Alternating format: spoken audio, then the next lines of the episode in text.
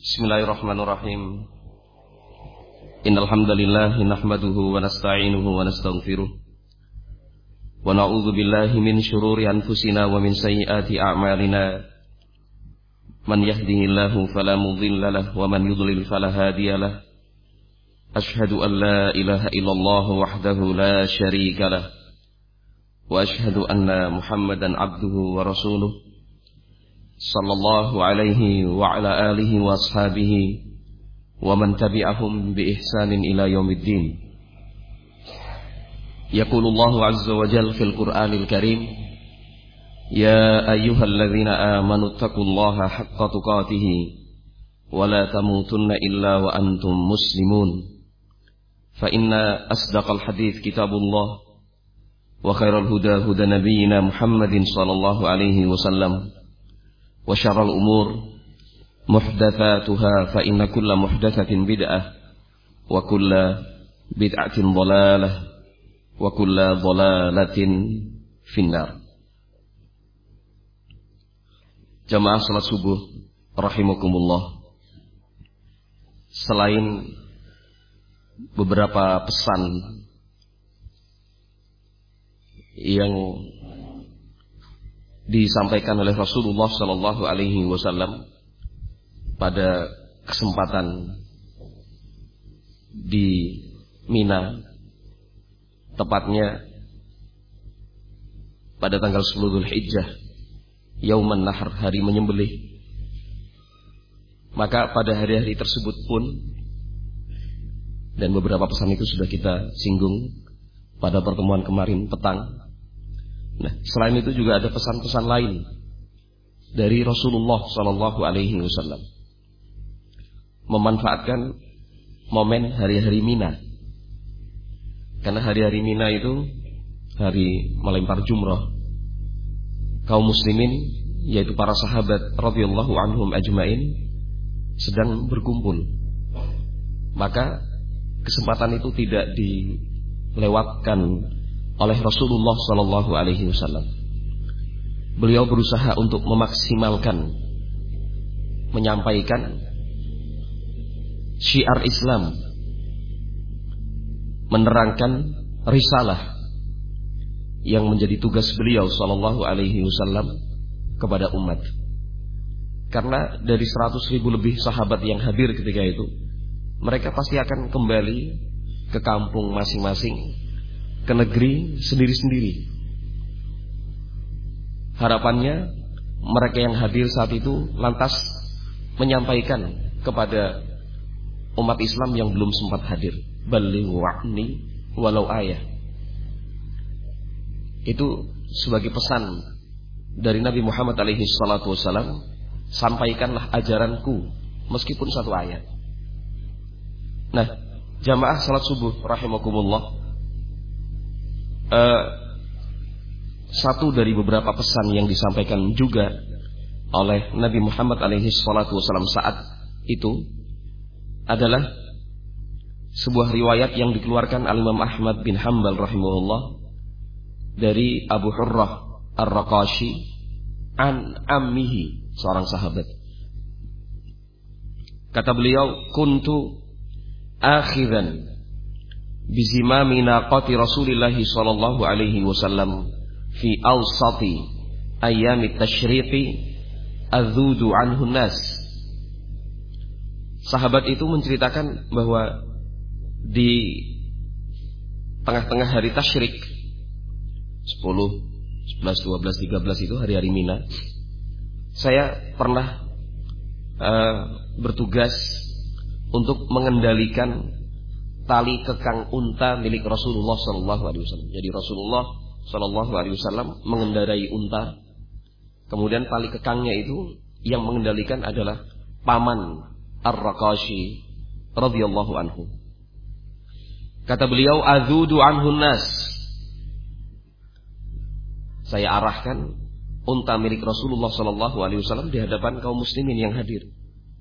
Nah, pada saat itu Nabi Muhammad alaihi salatu wasallam menyampaikan khutbah yang panjang dimulai dari ya ayuhan nas wahai segenap manusia dan di dalam pesan itu Nabi Muhammad alaihi salatu wasallam menyatakan ala wa man kanat indahu amanatun falyu'addiha ila ila man 'alaiha. Ini pesan dari Nabi Shallallahu alaihi wasallam supaya kita perhatikan baik-baik.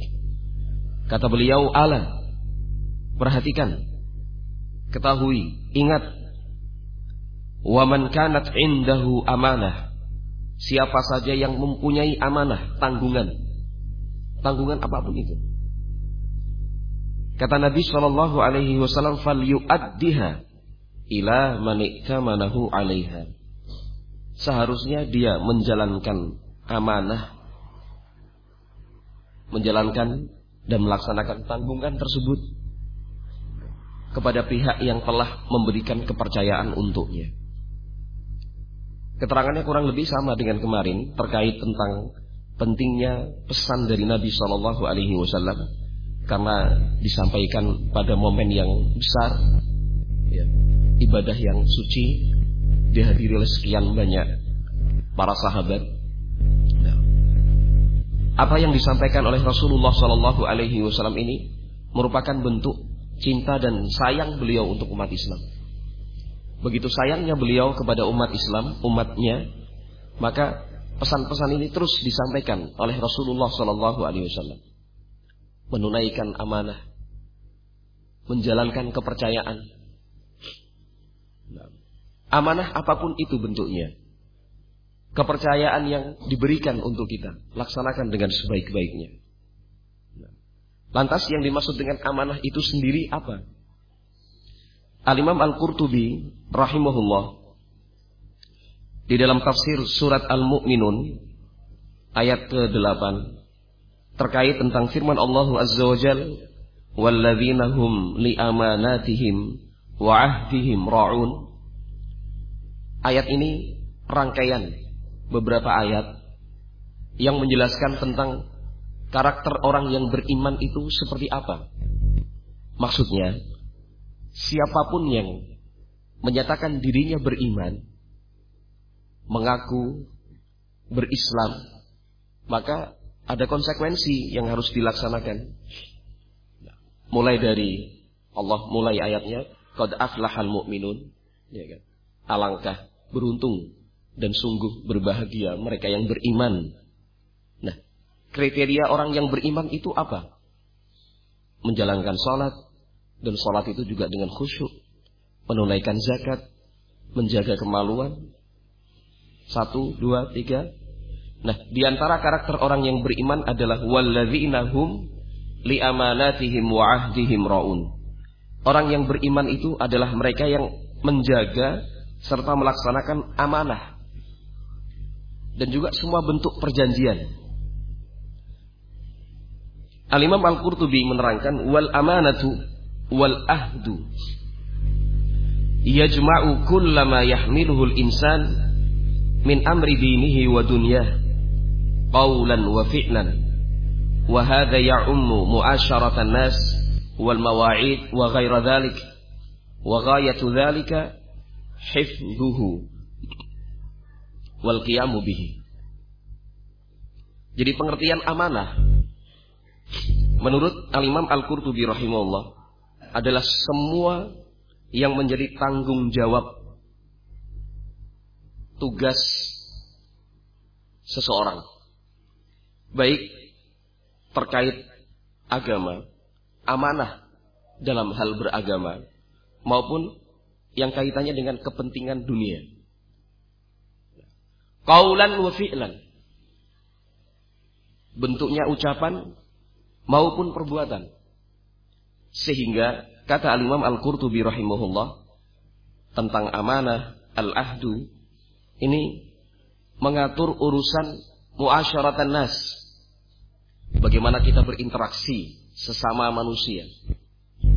Bukan hanya kepada kaum muslimin saja, tetapi manusia secara umum, muslim yang kafir.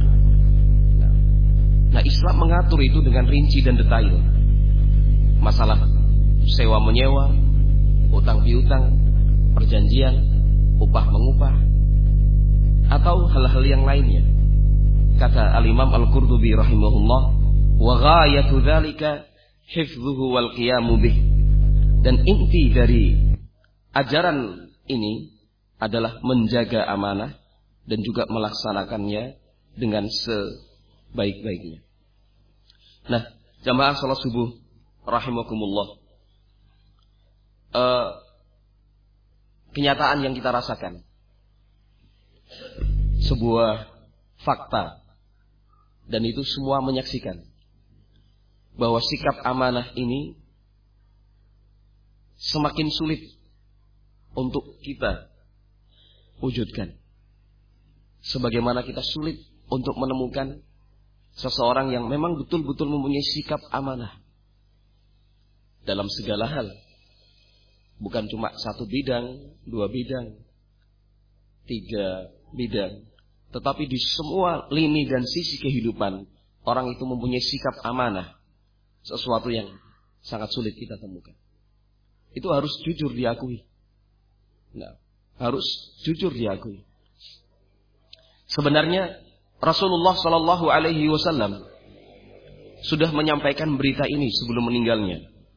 Al Imam Al Hakim rahimahullah di dalam uh, salah satu riwayat menjelaskan bahwa pada detik-detik menjelang wafatnya Rasulullah Shallallahu Alaihi Wasallam, beliau sempat memberikan kabar untuk kita. Kata beliau Shallallahu Alaihi Wasallam, "Awwalu ma tafqiduna min dinikum al amanah." Bentuk dan sikap beragama yang paling pertama kalian akan kehilangan adalah sikap amanah. Setelah Rasulullah Shallallahu Alaihi Wasallam meninggal dunia, jadi agama kita, agama Islam itu kan banyak bentuknya, beraneka ragam ajarannya. Syariat Islam itu macam-macam, mulai dari rukun Islam yang lima, demikian juga terkait dengan akhlak-akhlak yang mulia, jujur, bersyukur, sabar, ya, dan seterusnya. Nabi Muhammad alaihi salatu wasallam mengkabarkan untuk kita bahwa awal ma tafqiduna min dinikum al amanah. Jadi ajaran Islam yang paling pertama kalian merasa kehilangan. Artinya lepas adalah sikap amanah. Adalah sikap sikap amanah. Nah. Bahkan yang lebih parah lagi, jamaah salat subuh rahimakumullah, adalah kesadaran bahwa sebenarnya kita punya amanah yang harus dilaksanakan. Nah, kesadaran itu semakin lama semakin menipis. Menyadari bahwa ada beban tanggung jawab yang kita emban di semua hal dan di setiap bidang. Mulai kalau kita ingin memberikan contoh, amanah itu misalkan kita sebagai anak masih punya orang tua. Masih punya orang tua. Itu amanah bagi anak. Untuk berbakti dan bersikap baik kepada kedua orang tuanya. Kalau misalkan orang tua dalam posisi sehat, mampu, yang namanya berbakti kepada kedua orang tua adalah satu hal yang mudah. Yang mudah itu pun belum tentu seseorang itu bisa mengamalkannya. Tetapi nilai dan kadar birrul walidain. Tetapi nilai dan kadar birrul walidain berbakti kepada kedua orang tua itu pada saat yang paling sulit atau saat-saat sulit. Saya gambarkan begini. Orang tua sudah sangat lanjut usianya. Lemah, sakit-sakitan, pikun, linglung. Ya. Persis seperti anak kecil. Dan itu bukan sehari dua hari. Berbulan bahkan sampai bertahun.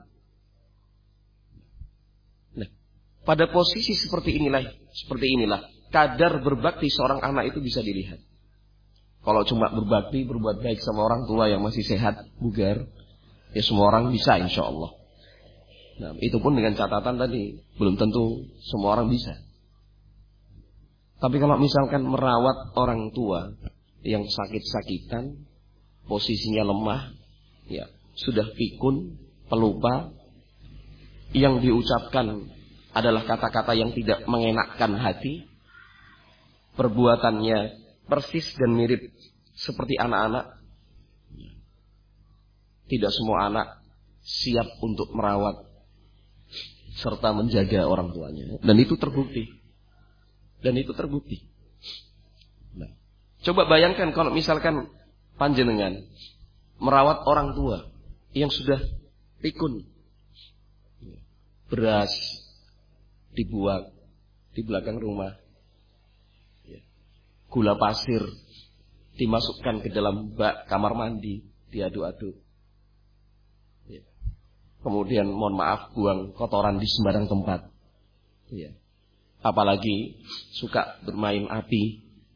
Ya. Apa yang bisa dibakar, bakar. Ada orang tua sampai seperti itu posisinya. Mampukah kita menjalankan amanah dalam situasi yang sulit seperti itu? Belum tentu bisa. Nah itu pentingnya kita belajar agama. Seseorang yang tidak mempelajari agama dengan baik tidak akan faham dan tidak akan sadar bahwa itu adalah amanah yang Allah titipkan untuknya sebagai anak. Nah. Justru cenderungnya orang akan menghindar. Maka muncul yang namanya panti jompo. Ya kan? Muncul jasa atau pelayanan untuk merawat orang-orang tua. Ya kan? Orang tua sitter bukan babysitter. Orang tua sitter. Tugasnya cuma merawat yang sudah tua-tua dan jombo itu. Anaknya kerja. Dia pikir dengan membayar orang untuk menjaga serta merawat orang tuanya sudah cukup dia berbakti. Padahal bukan itu kan, berbakti kepada orang tua. Itu amanah. Nah, amanah. Maka siapa pun dari kita sekarang ini yang hadir yang alhamdulillah masih Allah Subhanahu wa taala berikan kesempatan bertemu dengan orang tua. Entah kedua-duanya kilaihima au ahadahuma. Kedua-duanya bapak ibu ataukah salah satunya bapak saja, ibu saja karena yang satu sudah meninggal dunia. Maka sadari itu amanah. Itu amanah. Jangan merasa wis diurus adine. Kan ini. Apa wis diurus karo kakangi. Nanti saya yang menanggung semua biaya. Tapi yang merawat di rumah adik saya, kakak saya, dan seterusnya. Itu belum lagi kalau konflik dengan istri. Bisa saja seorang istri atau sebaliknya seorang suami punya rasa cemburu yang berlebih dan itu tercela. Ketika seorang suami ingin serius merawat orang tua, bapak, ibu, atau salah satunya. Sehingga sering telat pulang ke rumah. Karena rumahnya bisa atau bahkan jaraknya berjauhan. Nah, istri udah ngomel, anak-anak juga demikian. Ke mana aja, Bi? Ke mana aja ya? Kan itu. Bapak kok kayak seperti ini? Setiap kali ditelepon ke mana? Sama ibu, sama bapak. Itu terjadi. Ataupun sebaliknya, ketika seorang istri ingin berbakti kepada kedua orang tua, mestinya itu kan didukung oleh suami. Mestinya didukung oleh suami. Suami yang baik tentu senang dan bahagia kalau istrinya ingin berbakti kepada orang tua. Bukan kemudian malah diposisikan, kamu harus lebih patuh sama saya kepada suami. Karena surga nerakamu ya ikut saya. Bukan demikian, tapi dukunglah support. Nah, bahkan kalau bisa Anda menjadi seorang menantu yang baik, ikut merawat dan seterusnya. Itu amanah. Nah, itu amanah. Maka pantaskan kalau misalkan Nabi Muhammad sallallahu wasallam menyatakan ala wa man kanat indahu amanah falyu'addiha ila man tamanahu alaihi. Yang punya amanah, beban, tugas, laksanakan. Itu harus disadari pesan dari Nabi Muhammad Shallallahu Alaihi Wasallam. Kalau kita balik sekarang Anda sebagai orang tua, sadari bahwa anak-anak itu adalah amanah dari Allah Subhanahu wa taala. Bukan hanya alat untuk berbangga sebagai dasar bertanya atau menjawab. Ketika bertemu teman lama yang sudah sekian lama tidak berjumpa, tanya, "Kamu di mana?" Anakmu wes piro? Kan ini. Atau sebelum ditanya udah cerita.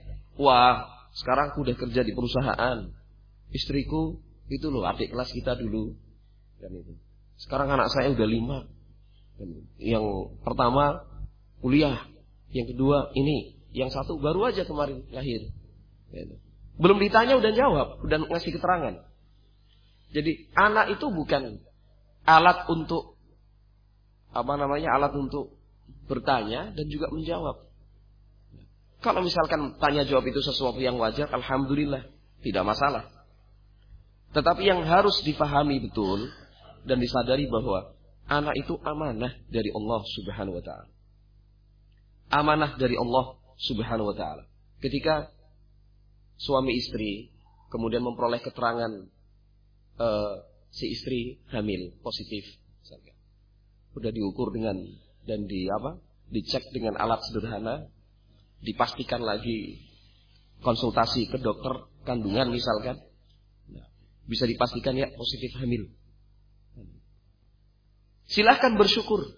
Silahkan. Bahkan itu wajib hukumnya bersyukur. Tetapi jangan lupakan bahwa ini amanah dari Allah Subhanahu wa taala. Mampukah saya sebagai orang tua mendidik dan mentarbiyah anak saya ini. Ketika Rasulullah Shallallahu Alaihi Wasallam menganjurkan kepada umat untuk tazawwajul walud dan wadud, fa inni mukathirun bikumul umama yaumal qiyamah. Pada saat Nabi Muhammad alaihi wasallam menganjurkan kita nikahi. Menikahlah dengan wanita yang punya kriteria penyayang dan juga memungkinkan memberikan banyak keturunan. Sungguh pada hari kiamat nanti saya akan berbangga dengan jumlah umatku yang lebih banyak daripada umat-umat yang lain. Dan itu satu hal yang uh, diperbolehkan untuk Rasulullah Sallallahu Alaihi Wasallam mukafir merasa lebih banyak dibandingkan yang lain. Anjuran dari Nabi Shallallahu Alaihi Wasallam ini bukan cuma sebatas memperbanyak anak, tetapi juga selain memperbanyak anak, menambah keturunan, juga kualitas dari anak-anak dan keturunan tersebut yang soleh, yang soleha, dan ingat serta sadarilah bahwa anak-anak itu adalah amanah buat kita. Dan amanah itu tidak putus. Amanah itu tidak putus. Sampai kita meninggal dunia, amanah itu masih ada di pundak kita. Maka salah kaprah kalau misalkan uh, ada seorang anak yang melakukan hal-hal di luar kewajaran, nakal, dan seterusnya, nggak bisa diatur. Kemudian orang tua mengatakan, pasrahlah. Saya sebagai orang tua sudah maksimal untuk mendidik serta membimbing. Semua sudah saya lakukan. Kalau sudah seperti ini saya lepas. Itu salah. Selama Anda masih hidup, maka amanah itu belum lepas. Ya. Nah sebelum hal-hal itu terjadi kan kita persiapkan dulu sebelumnya. Didiklah anak-anak kita dengan pondasi-pondasi yang kuat. Usulul iman. Pokok-pokok keimanan. Ketundukan dan ketaatan kepada Allah subhanahu selalu berusaha untuk mengkondisikan anak supaya mencintai Rasulullah Shallallahu Alaihi Wasallam, mendidik anak-anak kita untuk punya kepedulian terhadap agama Islam dan penyebarannya. Itu dari kecil dididik, dididik, dididik, dididik. Dan memang amanah itu berat. Amanah itu berat. Namun ingatlah bahwa pada hari kiamat nanti itu semua akan ditanya oleh Allah Azza wa. Bukan kemudian mati, selesai urusannya. Tetapi pertanggungjawabannya di hadapan Allah Subhanahu itu yang paling berat. Anda sebagai suami juga punya amanah, yaitu istri. Tunaikan hak-hak istrimu. Kalau seorang wanita statusnya istri juga sama. Dia punya amanah, yaitu suaminya. Layani, berkhidmat, tunaikan hak-hak suami. Kita dalam hidup bertetangga. Tetangga kita adalah amanah buat kita. Tunaikan hak-hak tetangga. Dalam berteman, bersahabat. Itu semua amanah. Laksanakan dengan sebaik-baiknya. Apalagi urusannya dengan harta. Allahul Musta'an. Masalahnya harta dan materi. Ini sikap amanah. Semakin sulit untuk kita temukan. Kejujuran, dapat dipercaya, tidak berkhianat, itu menjadi satu hal yang sangat yang sangat dicari. Nah. Anda punya usaha dijalankan oleh beberapa orang. Untuk menemukan orang yang betul-betul bisa dipercaya susahnya luar biasa. Kadang-kadang muncul di dalam hati rasa khawatir dan cemas kalau misalkan jangan-jangan ada di antara mereka yang berkhianat dan tidak amanah. Dan itu memang nyata kok. Berapa banyak yang mulai dari berbohong. Berbohongnya banyak lagi. Absen misalkan. Iya. Absen. Di kantor misalkan. Kalau zaman dulu sih bisa titip tanda tangan. Titip tanda tangan ya. Eng di, anak urusan. Mana tanya? Pegawai atau karyawan di kantor. Itu dulu. Kalau sekarang sudah ada pakai screen finger itu. Pakai apa pembaca sidik jari itu kan. Itu semakin susah. Tapi ya tetap anak baik lah. Tetap ada aja. Pagi berangkat, ces, itu pergi. Nanti jam 2, jam 3 saatnya tes, balik lagi. Itu masih ada. Tidak amanah uang kantor, fasilitas dan barang milik kantor digunakan untuk kepentingan pribadi. Itu sudah tidak lagi amanah. Kecuali kalau memang sudah diizinkan, ada aturan yang mengatur, tidak ada masalah. Tapi kalau kemudian dimanfaatkan secara pribadi dan itu tidak dibenarkan, bukan sifat amanah. Hutang piutang, ya. Sudah jatuh tempo, mestinya dia temui baik-baik karena memang belum punya kemampuan untuk melunasi, ini malah berusaha menghindar. HP-nya dipateni. Ya kan? HP-nya dimatikan. Kan itu. Terus sengaja beberapa hari tidak ada di rumah. Kan itu. Bilang aja keluar kota. Kan. Keluar kota Cilacap ya ke Adipala luar kota Cilacap. Ya kan. Apa ke kamu nganten ya udah di luar kota Cilacap ya kan. Lepeng aja udah. Luar kota ya. Luar kota. Kalau memang tidak mampu, apa beratnya? Sebagaimana kita pertama kali datang untuk mem meminta atau meminta tolong pinjaman utang. Saat kita tidak mampu untuk melunasi padahal jatuh temponya, apa susahnya kita temui juga mohon maaf. Saya belum sempat membayar, belum mampu. Sehingga tidak membuat orang yang menjadi pihak pemberi hutang kemudian berpikir menunggu-nunggu. Jangan-jangan dia punya kewajiban yang lain dan dia uh, berharap uang itu kita sudah melunasinya. Mungkin. Dan berapa banyak muamalah seperti ini yang akhirnya merenggangkan persahabatan, memutus tali persaudaraan. Sewa menyewa juga demikian. Banyaklah contohnya kalau mau disebut satu persatu sudah dikontrak tempatnya pinggir jalan bagus strategis untuk 10 tahun ke depan. Ya, untuk 10 tahun ke depan sudah apa pun resikonya punya 10 tahun ke depan. Dibayar saat itu juga kontan cash lunas. Berjalan 3 tahun, 4 tahun, toko itu kiosnya rame. Yang punya kios, duh, rame. Berarti nilai kontrak kemarin terlalu kecil. Kan. Mungkin dari si pemilik kios atau ada pihak yang lain masuk. Pak, kiosnya kapan habis? 6 tahun lagi pak. Berapa bayarnya? Oh dulu nilai kontraknya 10 tahun 10 juta. Udah sampai akhir tahun aja. Kan Anda putus kontraknya alasannya ini ini silahkan Anda. Nanti saya kasih kelipatan 3, 5, 6 kali lipat. Saya bayar itu. Kalau dia setahun satu juta, saya berani satu tahun lima juta. Bener pak? Iya bener. Mulai menjelang akhir tahun keempat, si pemilik kios datang ke mas, nyun ngapunten ya. Gimana pak? Ini loh apa? Kayaknya kontrak kios nggak bisa dilanjutkan sampai tahun ke sepuluh. Lo kenapa? Ya ini anak saya baru menikah jadi perlu tempat ini. Ngapusi. Bohong. Ya siapa yang nggak ngiler mas? Kan itu. 10 juta? Kan itu. Nanti saya kembalikan uang sewanya mas, nggak apa-apa. 6 juta saya kembalikan. Atau kalau misalkan jenengan merasa rugi, saya kembalikan apa namanya separuh dari yang sudah lewat. Jadi saya kembalikan 8 juta. Tapi tolong akhir tahun ini pindah ya. Ya dia kembalikan 8 juta.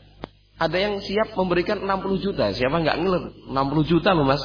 Utangnya sampean lunas bisa itu. Dan itu. Dan itu banyak terjadi. Selesai kontrakan, orangnya pindah ke tempat yang lain, dia juga nggak mau ribut mungkin, ya kan?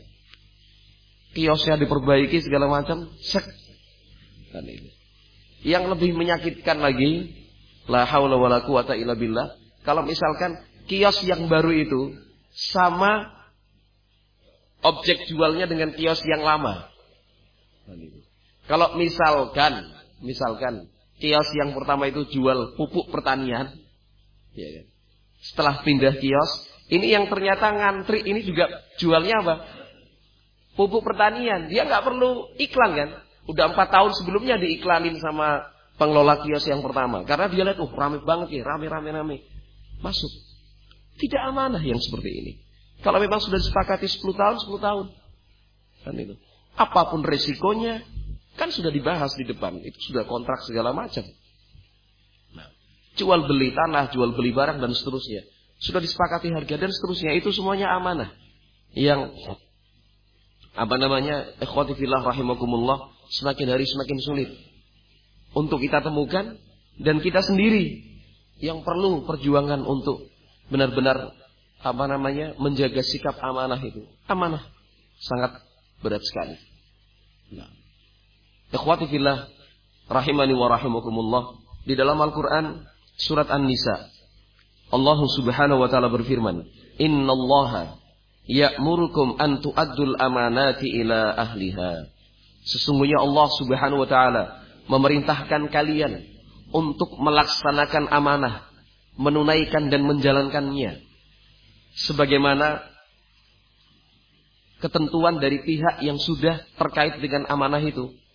Nah, maka uh, Rasulullah Shallallahu Alaihi Wasallam menjelaskan bahwa uh, sifat atau karakter khusus orang yang beriman itu adalah la imana liman la amanata lahu. Hadis yang dikeluarkan oleh Imam At-Tabrani dan Ibnu Hibban rahimahumullah. Kata Nabi Shallallahu alaihi wasallam, iman itu belumlah sempurna bagi orang yang tidak mempunyai sikap amanah. Tidak mempunyai sikap amanah. Dan sekali lagi amanah itu seperti keterangan Imam Al-Qurtubi rahimullah itu kan luas ya.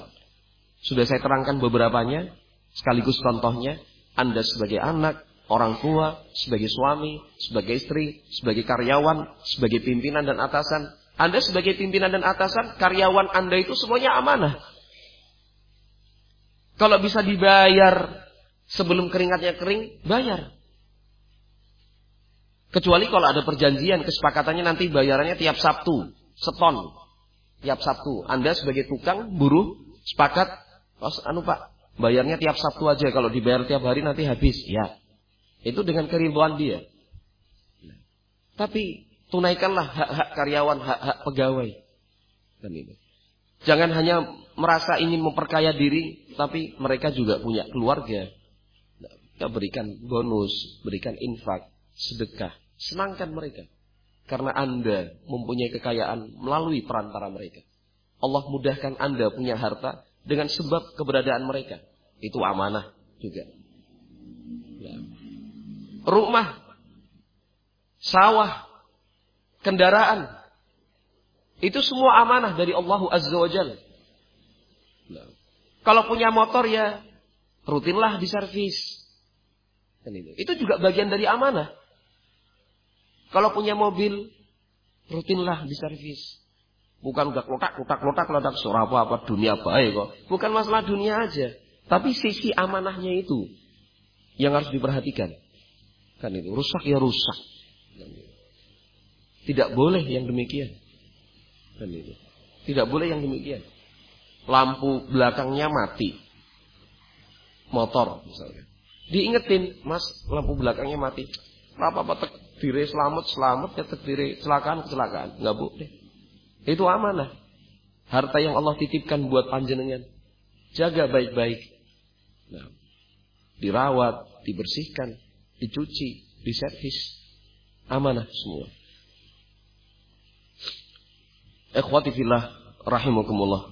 Tapi dari semua beberapa bentuk amanah yang telah kita sebutkan di depan tadi, di sana ada amanah yang terbesar. Amanah yang paling utama. Amanah yang paling utama Yang disebutkan Allah Azza wa Jal di dalam Al-Quran.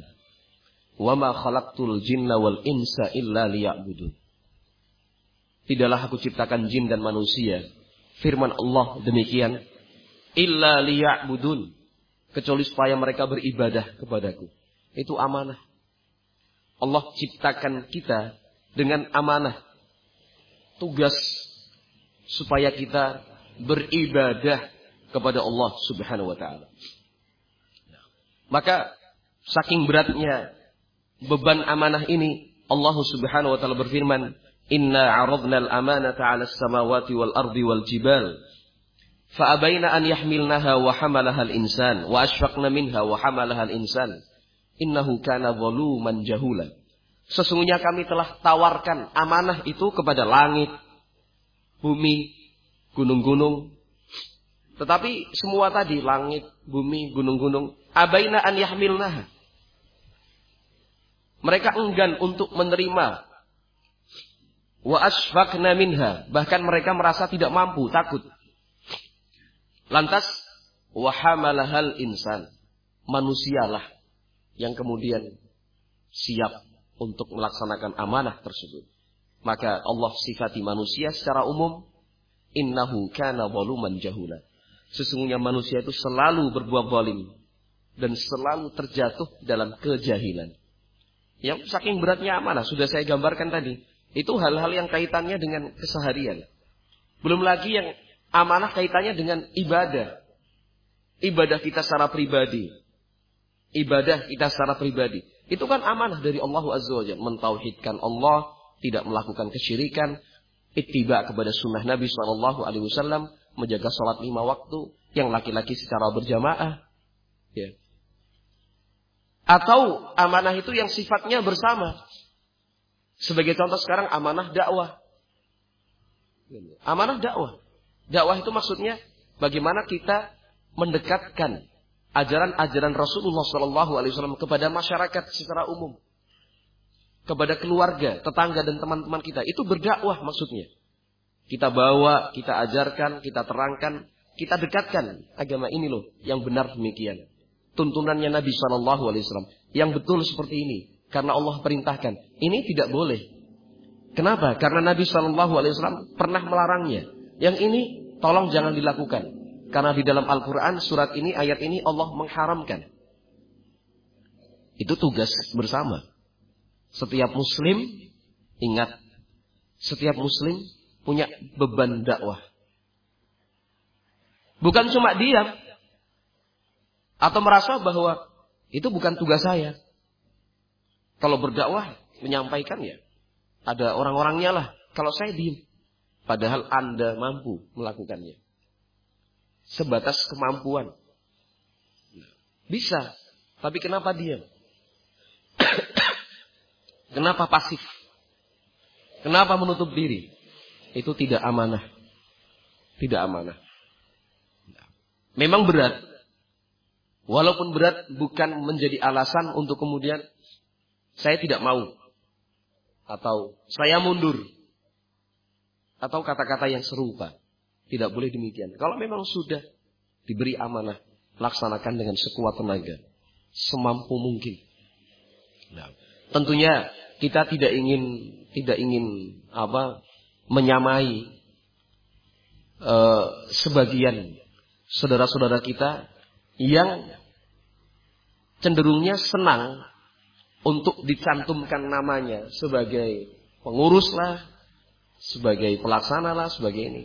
Tapi nggak pernah hadir susunan takmir masjid, ya kan? Ketua, sekretaris, bendara, kepala seksi ini dan segala macam. Tapi sehari-hari nggak pernah nongol, nggak pernah nongol. Nanti kalau momen-momen tertentu baru kelihatan, kan itu. Kan tentunya tidak demikian. Kita tidak ingin seperti itu. Kalau memang nama kita tercantum nih seksi konsumsi, ini bagian parkir, ini seksi dakwah, ini biro ekonomi misalkan. Ya dilaksanakan dengan sebaik-baiknya. Itu yang susah memang, yang berat.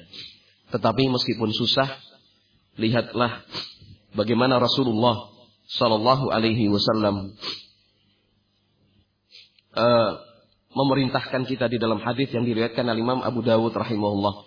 Kata Nabi sallallahu alaihi wasallam, "Adil amanata ila man tamanak wa la takhun man khanak." Kata Nabi sallallahu alaihi wasallam, tunaikan amanah sebagaimana yang telah dipercayakan kepadamu. Tunaikan. Kata Nabi sallallahu alaihi wasallam berikutnya, "Wa la takhun man khanak." Jangan engkau khianati orang yang berkhianat kepadamu. Artinya kita tidak boleh membalas khianat dengan khianat juga. Karena kamu begini, aku begitu. Membalas keburukan dengan keburukan yang semisal. Itu dilarang oleh Nabi SAW. Yang penting yang kita pikirkan sekarang ini amanah. Ini tugas saya, tanggungan saya. Akan saya kerjakan. Katakan orang yang terikat dengan saya tidak amanah. Bukan dijadikan alasan ya udah, saya nggak akan melaksanakan tanggungan saya. Tidak demikian. Tidak seperti itu. Nah, kalau misalkan Anda sebagai anak sudah melaksanakan amanah dalam hal ini merawat orang tua, menjaga dari semua sisi dunia dan agamanya diberikan nasihat. Tapi ternyata orang tua dalam hal ini Gak suka dengan kita. Dengan sunnah yang kita laksanakan. Dengan sunnah yang kita hidupkan. Orang tua ternyata gak suka. Kita dibenci. Bahkan tidak jarang yang diusir. Dan seterusnya. Bukan kemudian ya udahlah. Saya nggak ngurus orang tua lagi. Orang tua saya seperti itu. nggak boleh. Nabi mengatakan wala takhun man khanak. Wala takhun man khanak. Atau misalkan Anda sebagai bawahan. Anda sebagai bawahan pimpinan Anda tidak menunaikan kewajibannya, menunaikan hak-hak Anda. Tidak amanah ternyata pimpinan Anda. Itu tidak boleh dijadikan alasan, ya wes lah. Kalau gitu caranya kita juga sama. Kan itu. Misalkan ada proyek, ya, proyek, ternyata mandornya itu tidak amanah. Mestinya upah hariannya sampai 70-80 ribu plus uang makan sekali. Plus uang makan sekali. Anda sebagai pekerja atau buruh itu cuma diberi uang 80 ribu upah. Tapi jatah makan siangnya enggak. Jatah makan padahal sudah di perjanjian seperti itu. Mandornya nakal. Itu tidak boleh dijadikan alasan ya lah. Kita ada semen tumpukan di sana kita jual aja. Satu satu hari satu satu hari satu, satu hari satu. Untuk apa? Makan kita bareng-bareng, mandornya. Itu tidak boleh. Nabi mengatakan wala takhun man khanak. Jangan engkau khianat kepada orang yang berkhianat kepadamu. pentingnya sikap amanah.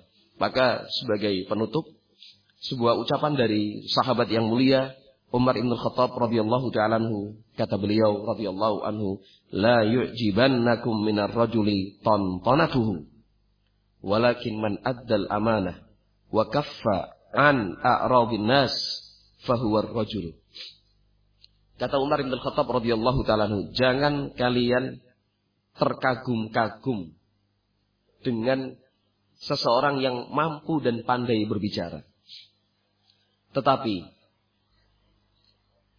Kata beliau radhiyallahu taala "Man addal amanah wa kaffa an a'radin nas."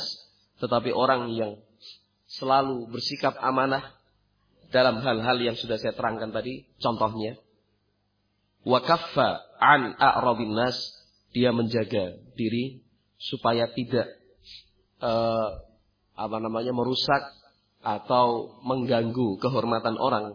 Kata Umar bin Khattab, fahuwar rajul. Itulah lelaki sejati. Kata beliau. Yang ingin menjadi seorang laki-laki sejati yaitu jaga sikap amanah, tunaikan dan kerjakan amanah di semua hal, di setiap bidang. Kemudian jangan menyakiti orang lain. Wallahu alam bisawab. Mudah-mudahan Allah Subhanahu wa taala memberikan taufik hidayah. Demikian juga uh, kemudahan untuk kita supaya bisa menjadi orang-orang yang amanah. Orang-orang yang amanah dalam hal urusan dunia, apalagi terkait dengan beragama kita. Subhanakallahumma wa bihamdi asyhadu an la ilaha